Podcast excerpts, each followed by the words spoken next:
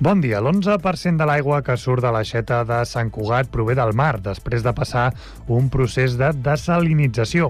Aquest percentatge, el 2022, era del 3% i abans era 0. És una de les conseqüències evidents de la sequera, tot i que la mitjana de l'àrea metropolitana aquesta dada és inclús més gran. Aquestes són dades que Aigües Ter Llobregat ha cedit a Cugat Mèdia i que expliquen per què la factura de l'aigua del 2024 serà més alta, ja que la desalinització l'utilització d'aigua de mar té un alt cost energètic. Ho explica David Vila, director d'Aigües Ter Llobregat. Evidentment, l'aigua del, dels rius, l'aigua superficial, té una major qualitat que l'aigua salada perquè el procés de desalinització o d'osmosis passa per retirar tota la mineralització de l'aigua. Eh? Per tant, nosaltres hi hem de tornar a portar calci, hem de tornar a portar minerals un cop finalitzada, però sí que el que podem garantir és que la qualitat eh, és excel·lent, tant de, de gust com, organo, com organolèptica. El dispositiu especial que Mossos d'Esquadra va iniciar a Sant Cugat el passat 7 de novembre contra els robatoris a l'interior de vehicles ha acabat amb un detingut i un investigat la primera setmana. De fet, la nit del mateix dia 7 de novembre, la unitat de drons dels Mossos d'Esquadra va detectar dues persones que hores abans havien sostret un ordinador a Sant Vicenç dels Horts. Un dels dispositius va detectar una persona que mirava amb una llanterna a l'interior dels vehicles estacionats en un centre comercial de Sant Cugat informen fonts del cos a Cugat Media. En ser alertats, agents tant dels Mossos d'Esquadra com la policia local van aturar el vehicle amb el que intentava marxar aquest home. Les vuit persones de la casa ocupada del carrer de Margarit, a la Floresta, han estat desnonades aquest dimecres al matí, després que els ocupants aconseguissin una setmana de marge per empaquetar les seves pertinences. El llançament s'ha executat per requeriment judicial i amb un ampli operatiu dels Mossos que han acordonat l'immoble. Tot i això, el cos policial no ha hagut d'intervenir perquè els vuit residents han abandonat la casa sense resistència abans que arribés la comitiva judicial. Des del sindicat de llogateres asseguren asseguren que aquestes persones es troben en una situació de vulnerabilitat i sense alternativa habitacional i que no van ser notificades de manera oficial del desnonament. També lamenten que des de serveis socials, diuen, no s'hagin fet càrrec de la seva situació. Això és tot. Més notícies a www.cugat.cat. Cugat Mèdia, la informació de referència a Sant Cugat.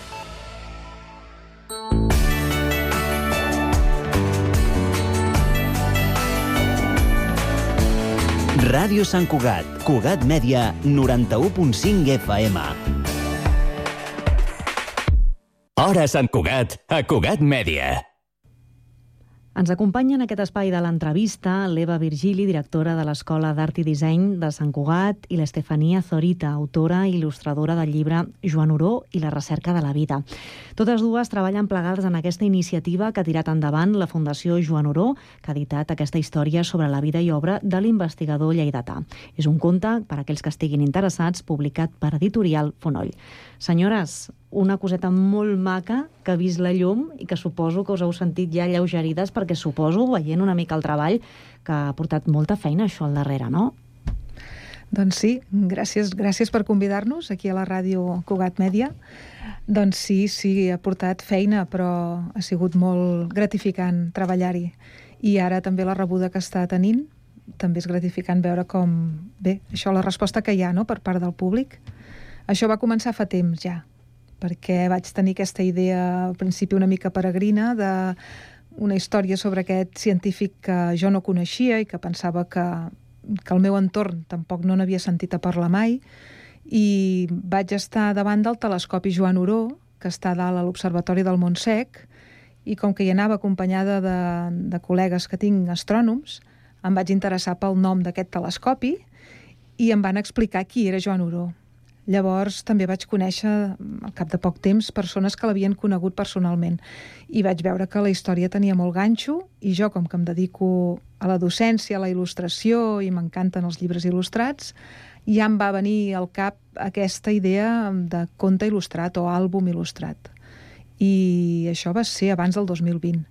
Després, imagina't si va, va venir tota la pandèmia, la cosa va quedar allà latent I l'any passat, el 2022, eh, em van dir que seria l'any Oró, perquè aquest any, 2023, fa 100 anys del seu naixement.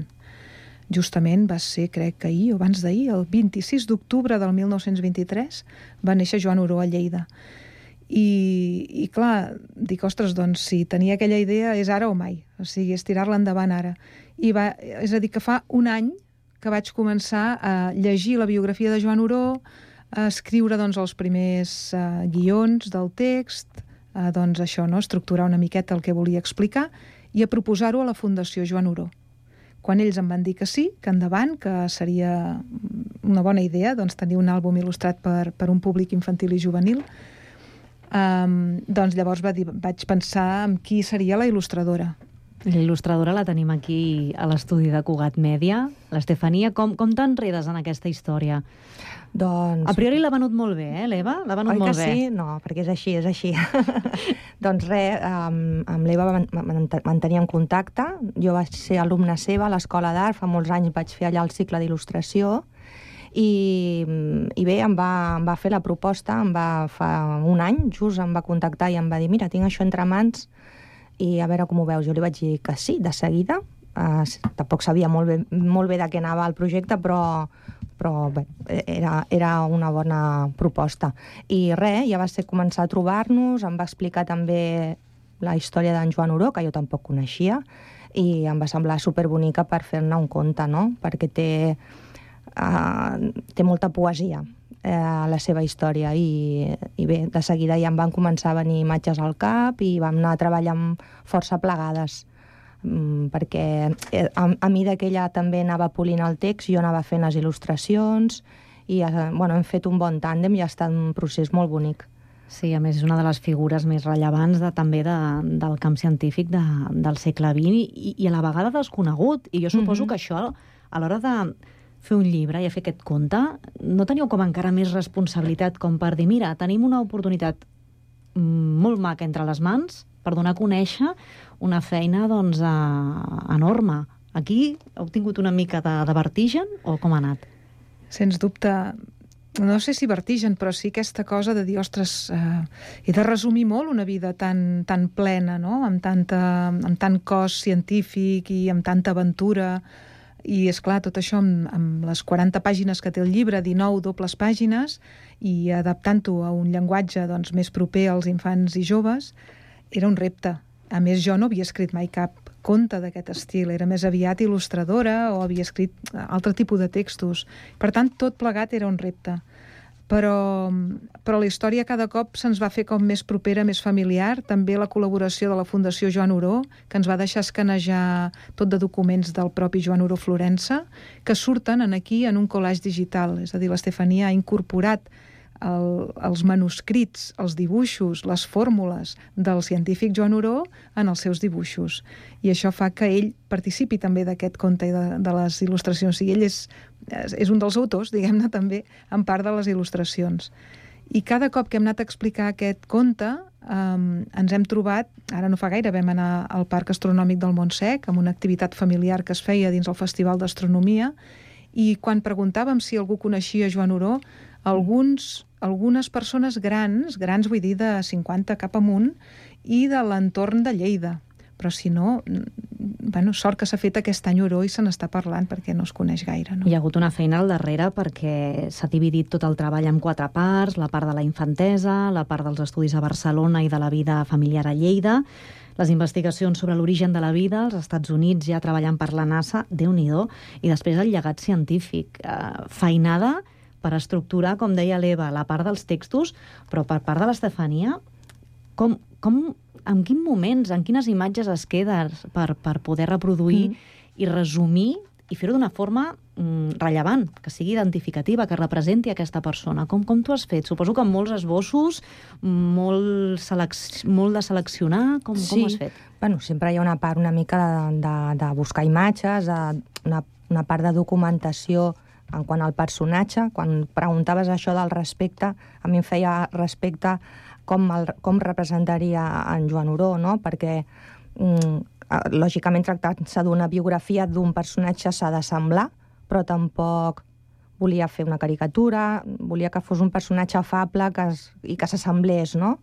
Llavors, aquí sí que hi ha hagut una part de documentació de fotos i després de com, com eh, representar cada, cada etapa, doncs sí que eh, també m'interessava reflectir a l'estètica potser una miqueta, no? perquè ell va néixer als anys 20, com, com eren els nens, eh, no? com anaven vestits, i després l'última il·lustració representa que, que ja és a l'actualitat, que es veu al parc astronòmic i hi ha nens d'avui dia, doncs he intentat que es veiés una mica aquest pas del temps, no?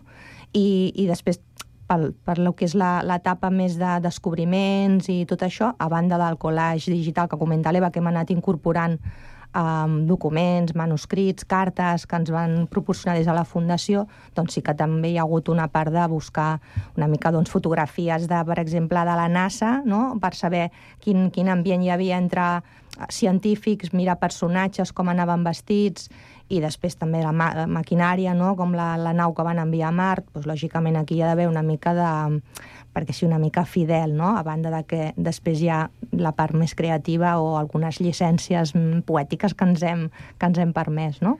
Estem aquí fullejant uh, el llibre. És una pena que això sigui ràdio ara mateix, perquè, perquè és veure com una petita pel·lícula sí de fotogrames que reprodueixen la vida d'en de, Joan Oró i que també, doncs, tenint en compte aquest públic no, doncs, més, més, més infantil, mm, acostar-se amb un llenguatge per poder parlar de capítols com la Guerra Civil o la mort dels pares uh -huh. d'en Joan. Suposo que tot això, tota aquesta ploma i aquesta sensibilitat, heu hagut de conjugar-la. Com, com us heu posat d'acord amb el to en què anéssiu alineades?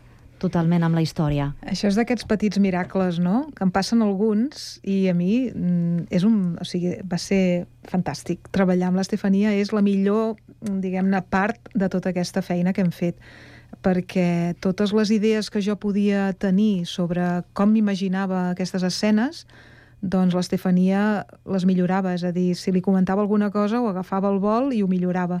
I per tant, la feina ha sigut per mi molt, molt gratificant perquè he pogut participar del procés creatiu de l'artista, que és ella, i a més a més eh, gaudir-ne moltíssim perquè ha, ha trobat unes solucions, com tu dius, no? com si fossin fotogrames d'una pel·lícula al pas del temps, trobar aquesta delicadesa en, en treballar els personatges, els entorns, la documentació que ha fet servir, eh, aquesta, aquesta ambientació, no? aquesta ambientació poètica, perquè també teníem clar que, que no volíem que fos un llibre infantil de coloraines i de formes arrodonides i simples, sinó que fos un objecte també molt bonic per la família de Joan Oró, per nosaltres, que ens sentíssim contentes, no? i també per totes les persones adultes que els agrada la il·lustració i els agrada l'art. Sí, sí. Per fer arribar aquesta figura a tothom, en definitiva. Mm -hmm. no? I quin és el periple d'aquest petit fill que heu creat? Quin és el periple ara? Quin recorregut té? Ja l'heu presentat a, a Sant Cugat? A una miqueta com anirà caminant i quin serà la història sí, d'aquest llibre? Vam fer la presentació aquí a Sant Cugat a la llibreria La Salvatge, que ens va fer molta il·lusió. Uh, abans ja també l'havíem presentat a, a la llibreria Ona, de Barcelona, i bé, com ha dit l'Eva, també hem fet activitats allà al Parc Astronòmic del Montsec, no hem, no hem presentat pròpiament el llibre, però sí que l'hem explicat i vam dibuixar en directe. Va ser una activitat així més lúdica, però molt xula. I, de fet, en teoria es, es comença a distribuir no? per llibreries i la nostra intenció, el que volem i el que volia l'Eva des del principi, que ho tenia molt clar, era que arribi a escoles, sobretot, no?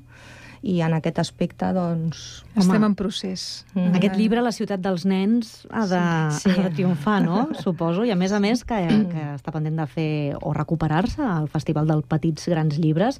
Vés a saber, doncs, si aquí vaig donant idees mm -hmm. per, mm -hmm. perquè pugui tenir doncs, més recorregut. El que està clar és que vosaltres dues treballareu més plegades, perquè aquí hi ha hagut una combinació no? alumne-professora, hi ha hagut aquí una simbiosi que potser el Joan Oró diria que, que sou una bona fórmula, les oh, dues. Oh, seria xulo. Sí, sí. Sí, sí, alguna cosa ja. ha passat, és veritat. Ha estat mm. especial i, i ja estem rumiant nous projectes. Bueno, heu fet cultura, també. Mm, Heu sí. creat cultura i ara estem en uns moments en què qualsevol sí. peça feta des, de, des del respecte, des de l'esforç i, i el talent per donar a conèixer doncs, una figura, doncs benvingut sigui. Eh, ha estat un plaer parlar amb vosaltres, poder conèixer una miqueta més aquesta obra i sobretot aquesta recomanació que feu, que dieu a la contraportada, si sou persones curioses i valentes, no us podeu perdre aquesta aventura. Això és així.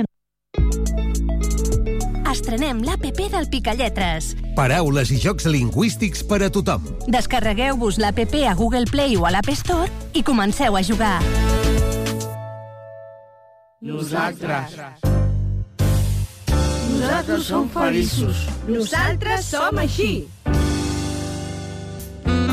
Nosaltres, un programa de ràdio mensual amb el grup Catalònia Fundació Creativa, que treballa amb persones amb discapacitat intel·lectual o trastorn de conducta. Benvinguts una altra vegada al programa de ràdio d'Espassur Valldoreix. Avui entrevistarem el Francesc Orella. La entrevista de este mes la dedicamos a una de las modelos y presentadoras más destacadas de nuestra localidad. Me parece súper elegante, un, un coche de color cava. ¿A ti te gusta el color cava, Miguel? Sí.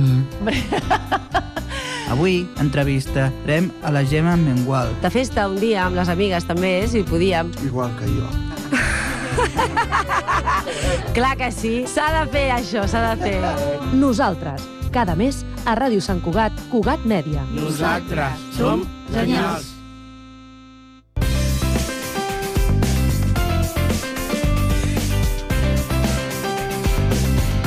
Ràdio Sant Cugat, 91.5 FM. Hora Sant Cugat, a Ràdio Sant Cugat.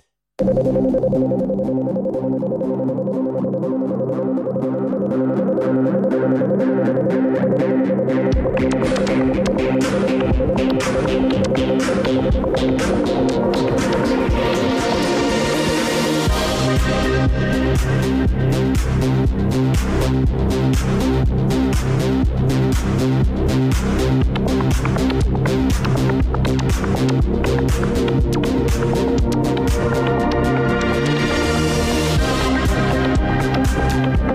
L'Associació de Dones Directives Empresàries i Professionals del Vallès es prepara per la celebració de la cinquena edició de la nit dels Premis AD Vallès. La cita del pròxim 24 de novembre servirà per lliurar quatre guardons per reconèixer la constància, la creativitat, un home amb valors ADE i l'honorífic. Ens acompanya la Mònica Blasco i la Cristina Roniz, presidenta i vicepresidenta, respectivament, d'aquesta entitat. A les dues, bona tarda, com esteu? Bona tarda, Carme, una mica estressades, però molt contenta de que nos des l'oportunitat. Estressades perquè això, quant de temps fa que ho porteu preparant? Un any. Un any? De feina per preparar una tota una, una nit, una, una celebració. És la cinquena edició, dèiem. Uh -huh. eh, per vosaltres és un, és un dels dies més importants de la vostra associació? aquest día, Cristina? Sí, la verdad es que es el día más, más importante de la asociación, es el, el día grande en el cual eh, celebramos nuestra, nuestra gala, este año pues la, la quinta. Mm. ¿Y cuántas personas espereu? Pues alrededor de unas 225, 250 personas aproximadamente. Puede ser que un poquito menos, un poquito más, por ahí, por ahí. Aprox. Qui acostuma a participar en una celebració d'aquestes? Bueno, al principio, sobre todo, lo más importante es que vengan las socias, que es la base por la, que, por la cual hacemos los, premios.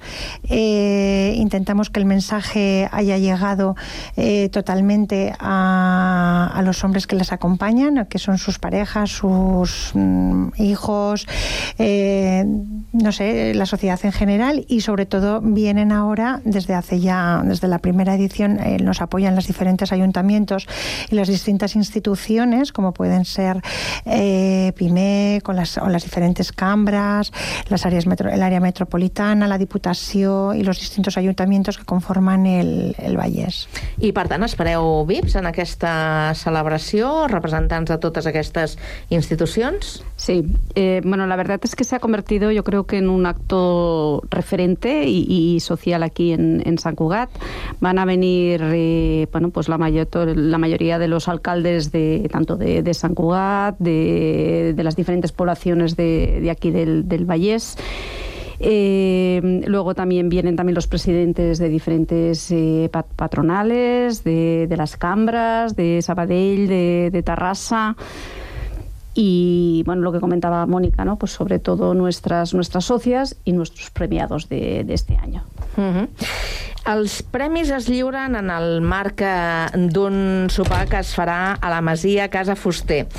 Eh, expliquem una mica com serà aquesta celebració?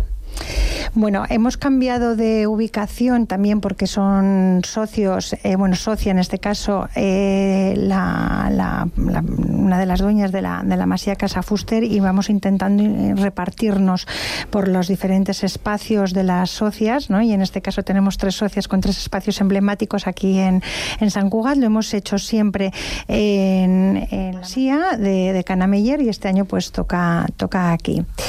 Y, y, bueno, lo que intentamos es hacer un acto festivo, algo, un, evento, una cena de gala que, la, que los invitados y las socias compartan, que haya un buen networking, que, que sea un ambiente, en un ambiente distendido. Es un viernes, con lo cual ya es un viernes que ya hemos acabado la semana, al día siguiente no tenemos que, trabajar. Y lo que empezaba siendo que a las 11 de la noche las personas se iban, aquí en esta fiesta, eso es la una y pico, y, decimos, bueno, es que no tenéis casa, ¿o qué? escolta una cosa, hi ha alguna novetat respecte de les anteriors edicions? Bueno, es que en, el, cada, en el format. Es que cada año cambiamos los, los formatos, ¿no, Cris? Sí, cada año cambiamos un poquito los formatos, lo que pasa que es un poco sorpresa.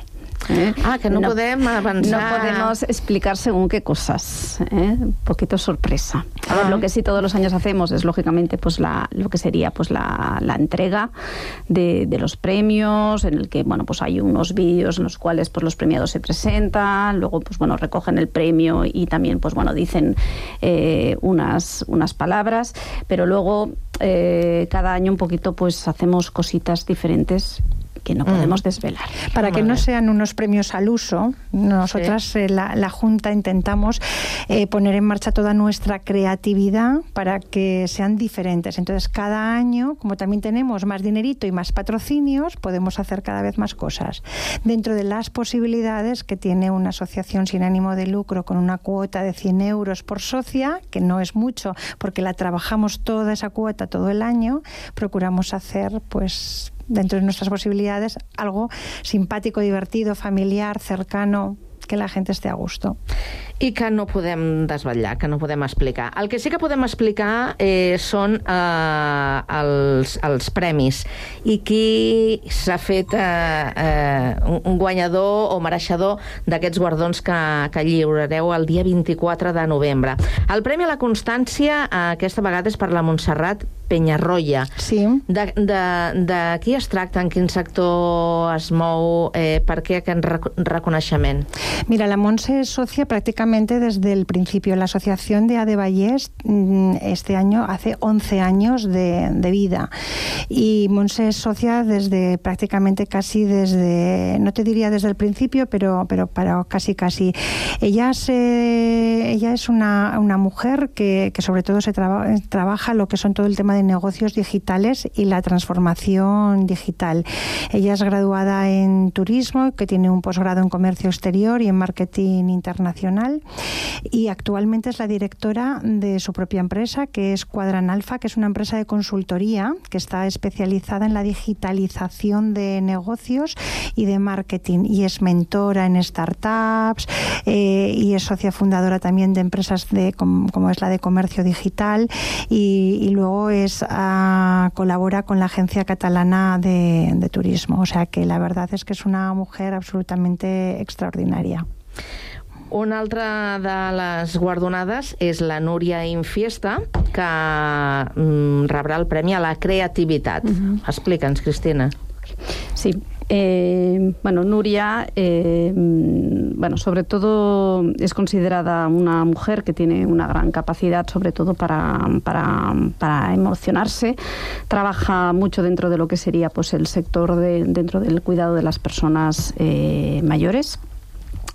Es la directora ejecutiva y fundadora de Yasit Robotics. Esta empresa tiene como objetivo apoyar, apoyar, a proyectos sanitarios y sociales a través de la tecnología y a través de soluciones basadas en el uso de diferentes tipos de, de plataformas, desde robots sociales hasta dispositivos de voz inteligente. Entonces, bueno, sobre todo lo que están intentando es poner la tecnología pues eh, al servicio, al servicio ¿no? de las personas de mayores. Las personas mayores ¿no? Entonces uh -huh. trabajan con, con robots. Eh, bueno, realmente, pues eh, desde este punto, ¿no? Es, es, una empresa pues que bueno pues que está haciendo una labor social muy muy importante pues por la gente mayor, por acercar la tecnología y por darle pues bueno un, un, un uso muy muy adecuado que puede ser pues de una gran de una gran ayuda, ¿no? La tercera edad que siempre está olvidada, entonces es muy interesante que se aplique toda la tecnologia a, a este col·lectiu. Mm -hmm. Anem al tercer dels eh, premis. Premi a l'home amb valors ADE, que aquesta vegada recau en Antonio Delgado. Què significa aquest premi?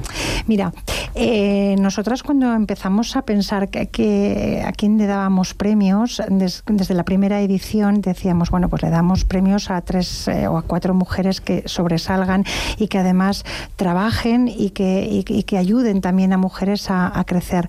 Pero ¿qué podemos hacer sin ese otro 50% que es nuestro, nuestros partners? ¿no? Entonces había que integrar en estos premios un hombre con los valores ADE. Los valores mmm, no significa que un hombre que dirija o que co-dirija o que esté dentro de una institución deje salir media hora antes a una mujer o que le dé tres días de fiesta para que cuida al niño. No va de eso.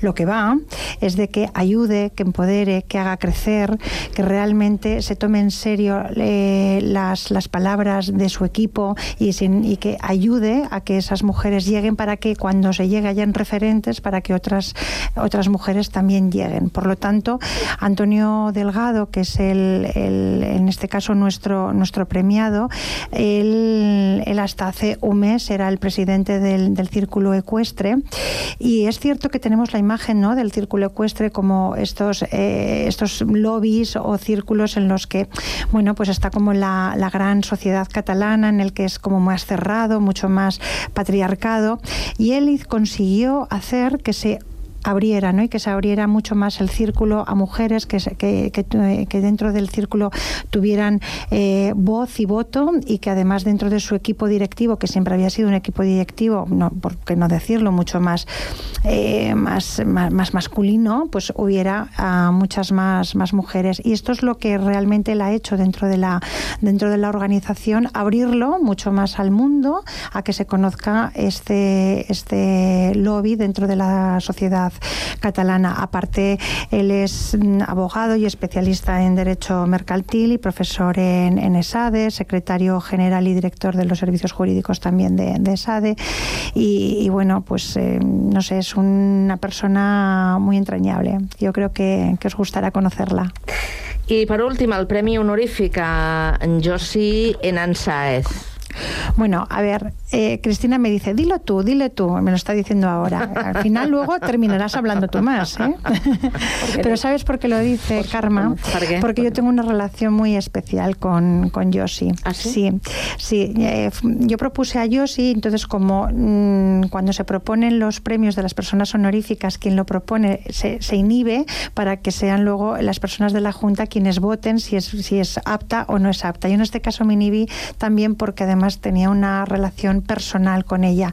Mira, Yoshi es una histórica feminista eh, de toda, o sea, gracias a ella tú y yo y Cristina y todas las oyentes podemos hablar en voz alta con libertad porque ha ayudado a que nosotras tengamos una, una voz.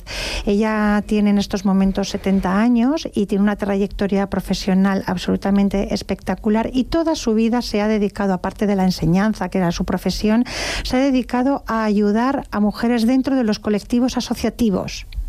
Por lo tanto, es una mujer con un recorrido absolutamente extraordinario en el que creo que la asociación le ha dado un reconocimiento a su trayectoria honorífica, creo que más que merecido. déu nhi Quatre perfils que, pel que ens heu explicat, doncs, eh, mereixen aquests premis que, que lliurareu el dia 24. Quantes associades teniu ara mateix a De Vallès? ¿Cuántas podemos tener? Unas 110. Más o menos. Más o menos. ¿Y de quins sectors eh, forman part? Pues tenemos una diversidad eh, en cuanto a sectores y en cuanto a perfiles de nuestras socias, un, una diversidad enorme.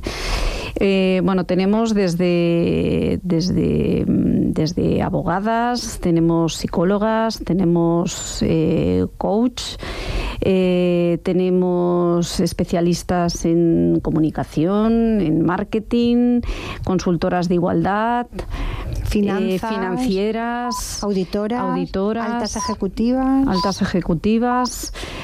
Bueno, tenemos la verdad unos perfiles muy, muy, muy diversos y muy enriquecedores todos. Uh -huh. I mm, Ade Vallès, eh, si el nom ens pot eh, convidar a pensar que la gent que teniu forma part de, de la comarca, crec recordar que també teniu associades que són de Barcelona? Sí, porque había socias que en Barcelona no se sentían representadas por eh, algunos colectivos asociativos que hay, que hay, y los hay muy buenos, pero también va con, el perfil de la persona. Eh, nosotras siempre decimos que tú te tienes que asociar a una asociación en la que tú te sientas identificada, que eso no significa ni que sea ni mejor ni peor, porque a lo mejor la nuestra no es la adecuada para, para otra. Eh, tú te tienes que sentir como que tus valores están alineados con esos otros valores. ¿no? Entonces, claro, tuvimos que ampliar estatutos para que pudieran venir eh, mujeres de, de Barcelona a nuestra asociación y es muy chulo. Molt xulo. Abans ho deies, Mònica, és la onzena edició. L'any passat va ser una edició especial perquè coincidia amb el desè aniversari, que ja és un, és un aniversari que ja, ja parla del recorregut, de, de la consolidació d'una entitat com, com la vostra. Com eh, veieu eh, Ade Vallès en un futur? ¿Cómo la ves tú, Cristina? Pues yo la veo siendo cada vez eh, más importante dentro de, las asociaciones de mujeres directivas y empresarias. Con una buena reputación, cada vez tenemos eh, más socias. Eh, cada vez mm, un poco lo que comentaba antes Mónica, ¿no? Cada vez las, las socias se sienten más a gusto, cada vez ¿no? están como más, más unidas. Eh, cada vez también comparten negocios, proyectos, que te vas enterando que entre las socias van haciendo proyectos compartidos. Creo que somos un referente de asociación de, mujeres aquí en, en, en, San Cugat, cada vez más también en todo, en todo el, el Vallés y cada vez estamos haciendo proyectos más, más importantes, más interesantes. También desde la asociación pues eh, intentamos eh, bueno, pues repartir los proyectos y que sean nuestras socias realmente las que, las que realicen y ejecuten esos, esos proyectos. Eh, estamos dando más visibilidad cada vez más a las socias, potenciando pues eso, la igualdad en el mundo, tanto en el mundo empresarial, laboral, como a nivel social. Y, bueno, creo que, que, estamos creciendo y que estamos eh, desde la Junta muy contentas de estar donde estamos y de seguir en, en un futuro en ese camino un camino de crecimiento. O sea, yo lo situaría en eso, en un camino de crecimiento y siendo un puntal de referencia para, para las diferentes instituciones y para los distintos ayuntamientos que cuando quieren hacer ponencias, mesas redondas o te llaman de las diferentes radios como es la vuestra o las diferentes eh, televisiones, pues nos, nos llaman pues porque necesitan perfiles como, como los que te ha dicho antes Cristina, porque tenemos muchos allí dentro. Doncs, eh, senyores Mònica, Cristina, que vagi molt bé aquesta celebració, la cinquena nit dels Premis de Vallès i 11 anys ja de, de vida. Segurament que teniu molts més per complir. Que vagi molt bé. Gràcies, Carme, per l'oportunitat. Gràcies. Bona tarda. Gràcies. 24 de novembre, la Masia Casa Fuster a les 8 del vespre. Encara hi ha oportunitat per apuntar-s'hi. I tant, www.adevallès.cat. Gràcies. Bona tarda. Thank you.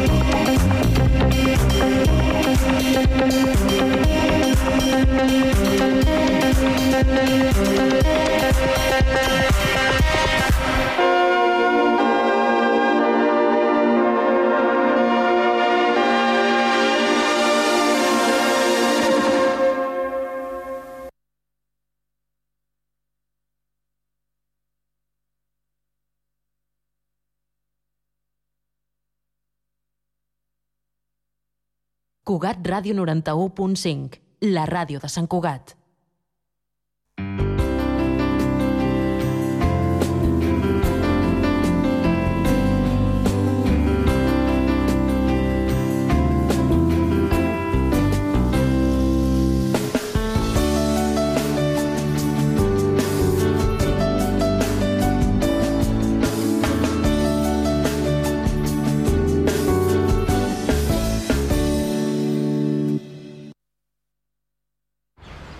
Estàs pensant en posar plaques solars a casa teva? Doncs passa't a l'energia solar de manera fàcil i segura amb la teulada. Experts en energia solar.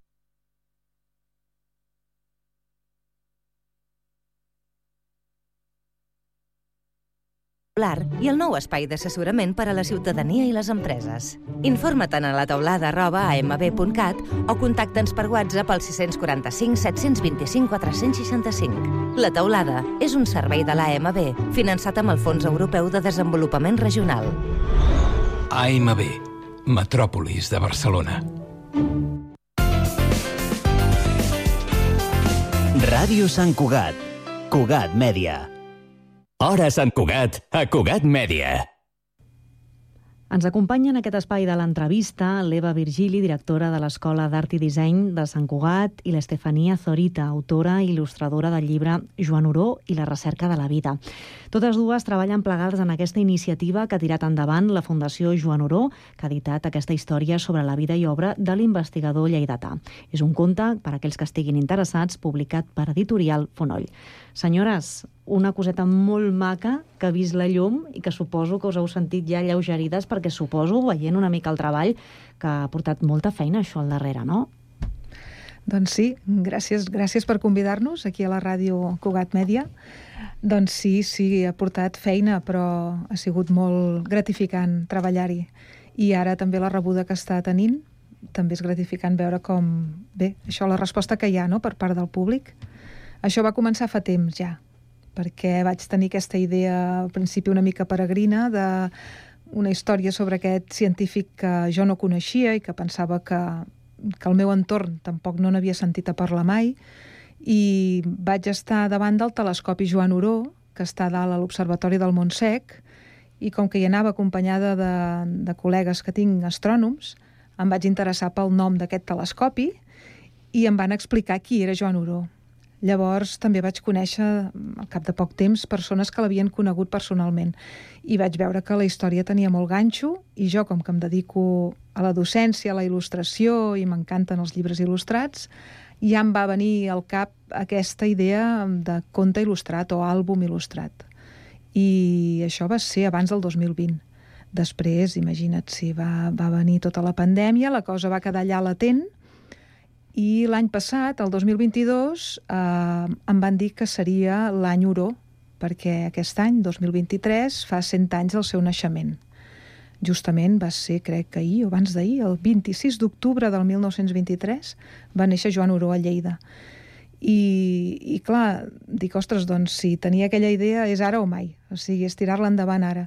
I va, és a dir, que fa un any que vaig començar a llegir la biografia de Joan Oró, escriure doncs, els primers uh, guions del text, uh, doncs això, no? estructurar una miqueta el que volia explicar i a proposar-ho a la Fundació Joan Oró. Quan ells em van dir que sí, que endavant, que seria una bona idea doncs, tenir un àlbum il·lustrat per, per un públic infantil i juvenil, um, doncs llavors va dir, vaig pensar en qui seria la il·lustradora. L'il·lustradora la tenim aquí a l'estudi de Cugat Mèdia. L'Estefania, com, com t'enredes en aquesta història? Doncs... A priori l'ha venut molt bé, eh, l'Eva? L'ha venut Oi molt que bé. sí? No, perquè és així, és així. doncs res, amb, amb l'Eva manteníem contacte. Jo vaig ser alumna seva a l'Escola d'Art, fa molts anys vaig fer allà el cicle d'il·lustració, i, i bé, em va, em va fer la proposta, em va, fa un any, just em va contactar i em va dir, mira, tinc això entre mans, i a veure com ho veus. Jo li vaig dir que sí, de seguida. Uh, tampoc sabia molt bé, molt bé de què anava el projecte, però, però bé, era, era una bona proposta.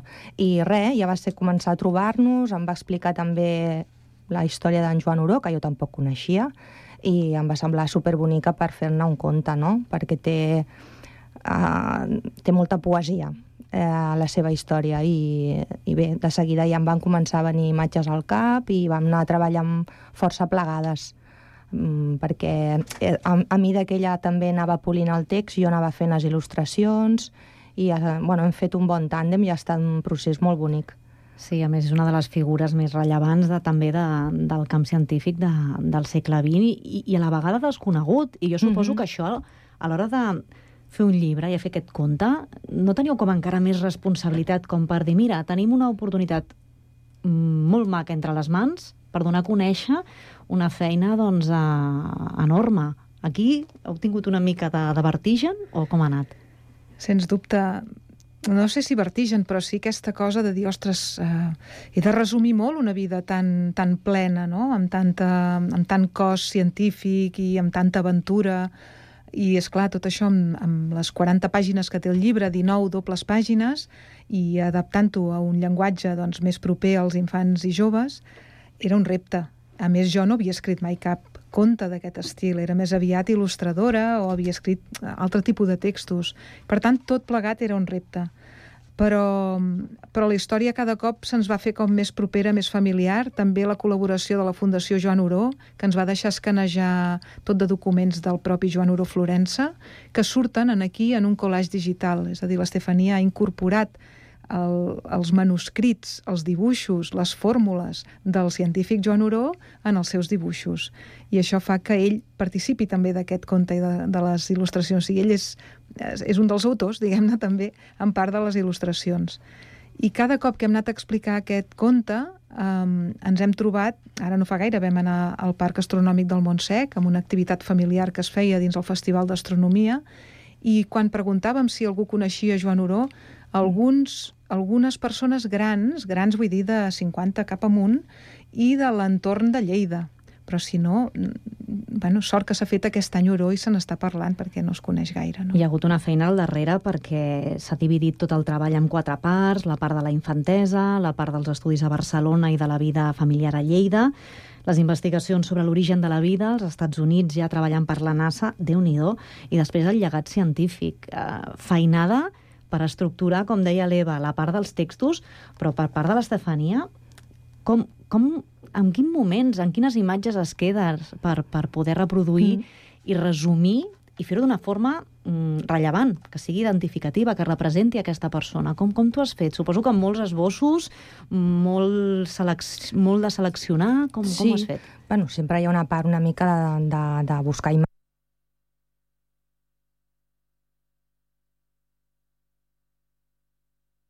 imatges, una, una part de documentació en quant al personatge. Quan preguntaves això del respecte, a mi em feia respecte com, el, com representaria en Joan Oró, no? perquè mm, lògicament tractant-se d'una biografia d'un personatge s'ha de semblar, però tampoc volia fer una caricatura, volia que fos un personatge afable que es, i que s'assemblés, no? Llavors, aquí sí que hi ha hagut una part de documentació de fotos i després de com com eh, representar cada, cada etapa, doncs sí que eh, també m'interessava reflectir a l'estètica potser una miqueta, no? perquè ell va néixer als anys 20, com, com eren els nens, eh, no? com anaven vestits, i després l'última il·lustració representa que, que hi és a l'actualitat, que es veu al parc astronòmic i hi ha nens d'avui dia, doncs he intentat que es veiés una mica aquest pas del temps, no? I, i després pel, per lo que és l'etapa més de descobriments i tot això, a banda del collage digital que comenta l'Eva, que hem anat incorporant um, documents, manuscrits, cartes que ens van proporcionar des de la Fundació, doncs sí que també hi ha hagut una part de buscar una mica doncs, fotografies, de, per exemple, de la NASA, no? per saber quin, quin ambient hi havia entre científics, mirar personatges, com anaven vestits, i després també la, ma maquinària, no? com la, la nau que van enviar a Mart, doncs, lògicament aquí hi ha d'haver una mica de perquè sigui una mica fidel, no? a banda de que després hi ha la part més creativa o algunes llicències poètiques que ens hem, que ens hem permès. No? Estem aquí fullejant uh, el llibre. És una pena que això sigui ràdio ara mateix, perquè, perquè és veure com una petita pel·lícula sí. De fotogrames que reprodueixen la vida d'en de, Joan Oró i que també, doncs, tenint en compte aquest públic no, doncs, més, més, més infantil, mm, acostar-se amb un llenguatge per poder parlar de capítols com la Guerra Civil o la mort dels pares uh -huh. d'en de, Joan. Suposo que tot això, tota aquesta ploma i aquesta sensibilitat, heu hagut de conjugar-la. Com, com us heu posat d'acord amb el to en què anéssiu alineades? Totalment amb la història. Això és d'aquests petits miracles, no?, que em passen alguns i a mi mm, és un, o sigui, va ser fantàstic. Treballar amb l'Estefania és la millor, diguem-ne, part de tota aquesta feina que hem fet perquè totes les idees que jo podia tenir sobre com m'imaginava aquestes escenes doncs l'Estefania les millorava, és a dir, si li comentava alguna cosa ho agafava al vol i ho millorava. I per tant, la feina ha sigut per mi molt, molt gratificant perquè he pogut participar del procés creatiu de l'artista, que és ella, i a més a més eh, gaudir-ne moltíssim perquè ha, ha trobat unes solucions, com tu dius, no? com si fossin fotogrames d'una pel·lícula al pas del temps, trobar aquesta delicadesa en, en treballar els personatges, els entorns, la documentació que ha fet servir, eh, aquesta, aquesta ambientació, no? aquesta ambientació poètica, perquè també teníem clar que, que no volíem que fos un llibre infantil de coloraines i de formes arrodonides i simples, sinó que fos un objecte també molt bonic per la família de Joan Oró, per nosaltres, que ens sentíssim contentes, no? i també per totes les persones adultes que els agrada la il·lustració i els agrada l'art. Sí, sí. Per fer arribar aquesta figura a tothom, en definitiva. Mm -hmm. no? I quin és el periple d'aquest petit fill que heu creat? Quin és el periple ara? Quin recorregut té? Ja l'heu presentat a, a Sant Cugat? A, una miqueta com anirà caminant i quin serà la història sí, d'aquest llibre? Vam fer la presentació aquí a Sant Cugat a la llibreria La Salvatge, que ens va fer molta il·lusió.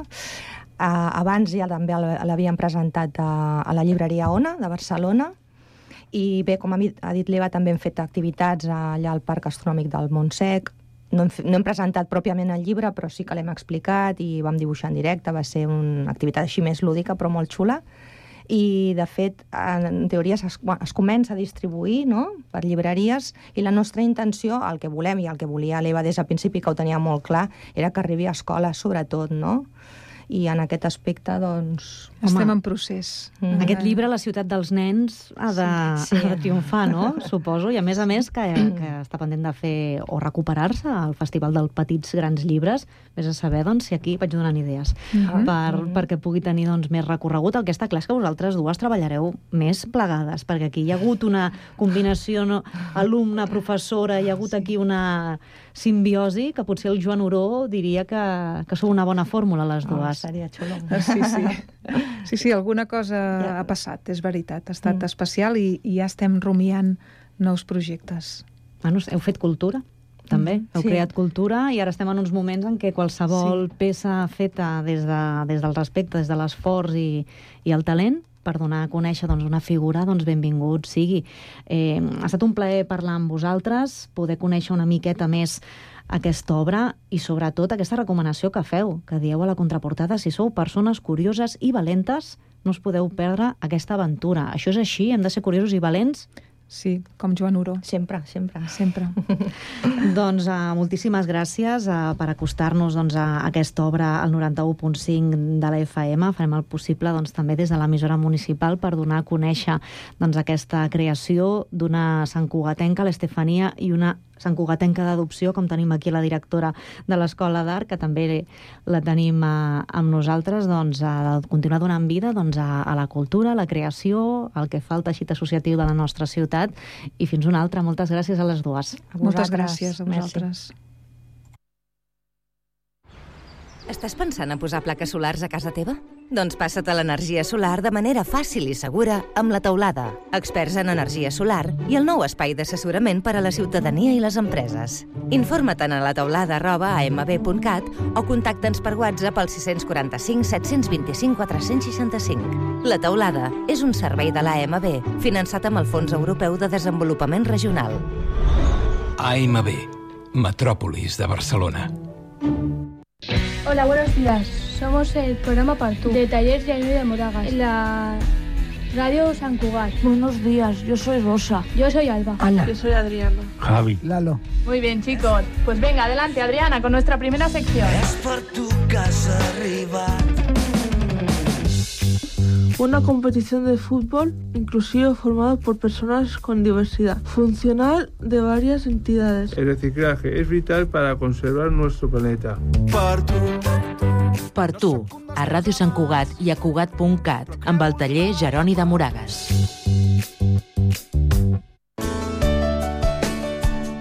Ràdio Sant Cugat.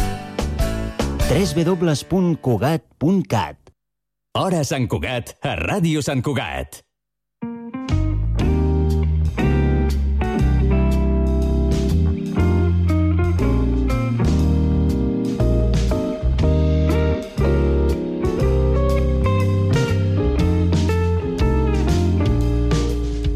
Els ximpancers són primats de la família dels homínids que es troben en perill d'extinció. L'etòloga Jane Goodall es considera una pionera pels estudis que va realitzar vers la conducta social i familiar dels ximpancers, espècie que es troba més pròxima genèticament a l'Homo sapiens. Actualment, la major presència d'aquests primats és a l'Àfrica central, a països com el Congo. Fins a aquest indret del continent hi ha estat una santcuatenca que ha treballat en l'estudi dels ximpancers. Ella és Laia Dutràs, biòloga especialitzada en primatologia. Dutràs n'ha dedicat anys de la seva carrera en l'estudi dels ximpancers i ara és codirectora del Departament d'Investigació de l'Institut Jane Goodall a Espanya. Bon dia, Laia, com estàs? Hola, bon dia. Doncs la primera pregunta és d'on ve el teu interès en el món dels animals i més concretament en la primatologia? Doncs des de petita sempre m'ha tret molt la, la natura, els animals, eh, qualsevol tipus d'animal, però és cert que des de ben petitona sempre volia treballar amb goril·les. Era com una cosa que tenia molt, molt clara, per això vaig estudiar biologia, però és cert que va haver-hi una persona que va ser referent per mi, que va ser un etòleg català, que és el, el doctor Jordi Sabater Pi, eh, que ell va treballar molts anys a Guinea Equatorial i que se'l coneix per haver portat el, el floquet de neu al zoo de Barcelona, no? però va fer un gran treball de, de recerca. I va ser la persona que em va apropar eh, la idea de poder anar a Àfrica a, a estudiar goril·les i, i ximpanzés. I com bé deies, et vas especialitzar en aquest estudi de goril·les i ximpancers. I quin van ser els teus primers passos a, quan vas viatjar a Àfrica? Doncs mira, abans d'anar a Àfrica vaig començar com a voluntària a la Fundació Mona, que és un centre de rescat que hi ha a Girona, i treballant amb, amb ximpanzés i agafant experiència. I a partir d'aquell moment eh, vaig estar mirant diferents opcions a Àfrica i me'n vaig anar de voluntària, en principi per tres mesos, a Sierra Leona, a l'oest d'Àfrica, en un centre de rescat de ximpanzés que es diu Takugama, on hi havia una veterinària catalana, que és la Rosa Garriga, i allà vaig estar un any, un any i mig eh, treballant com a voluntària al, al centre de rescat. Aquesta va ser la meva, la meva experiència al continent africà. Quan vas, has viatjat fins a Sierra Leona i vas treballar en aquests projectes de realització i conservació dels ximpancers, com va ser aquesta experiència per, més personal?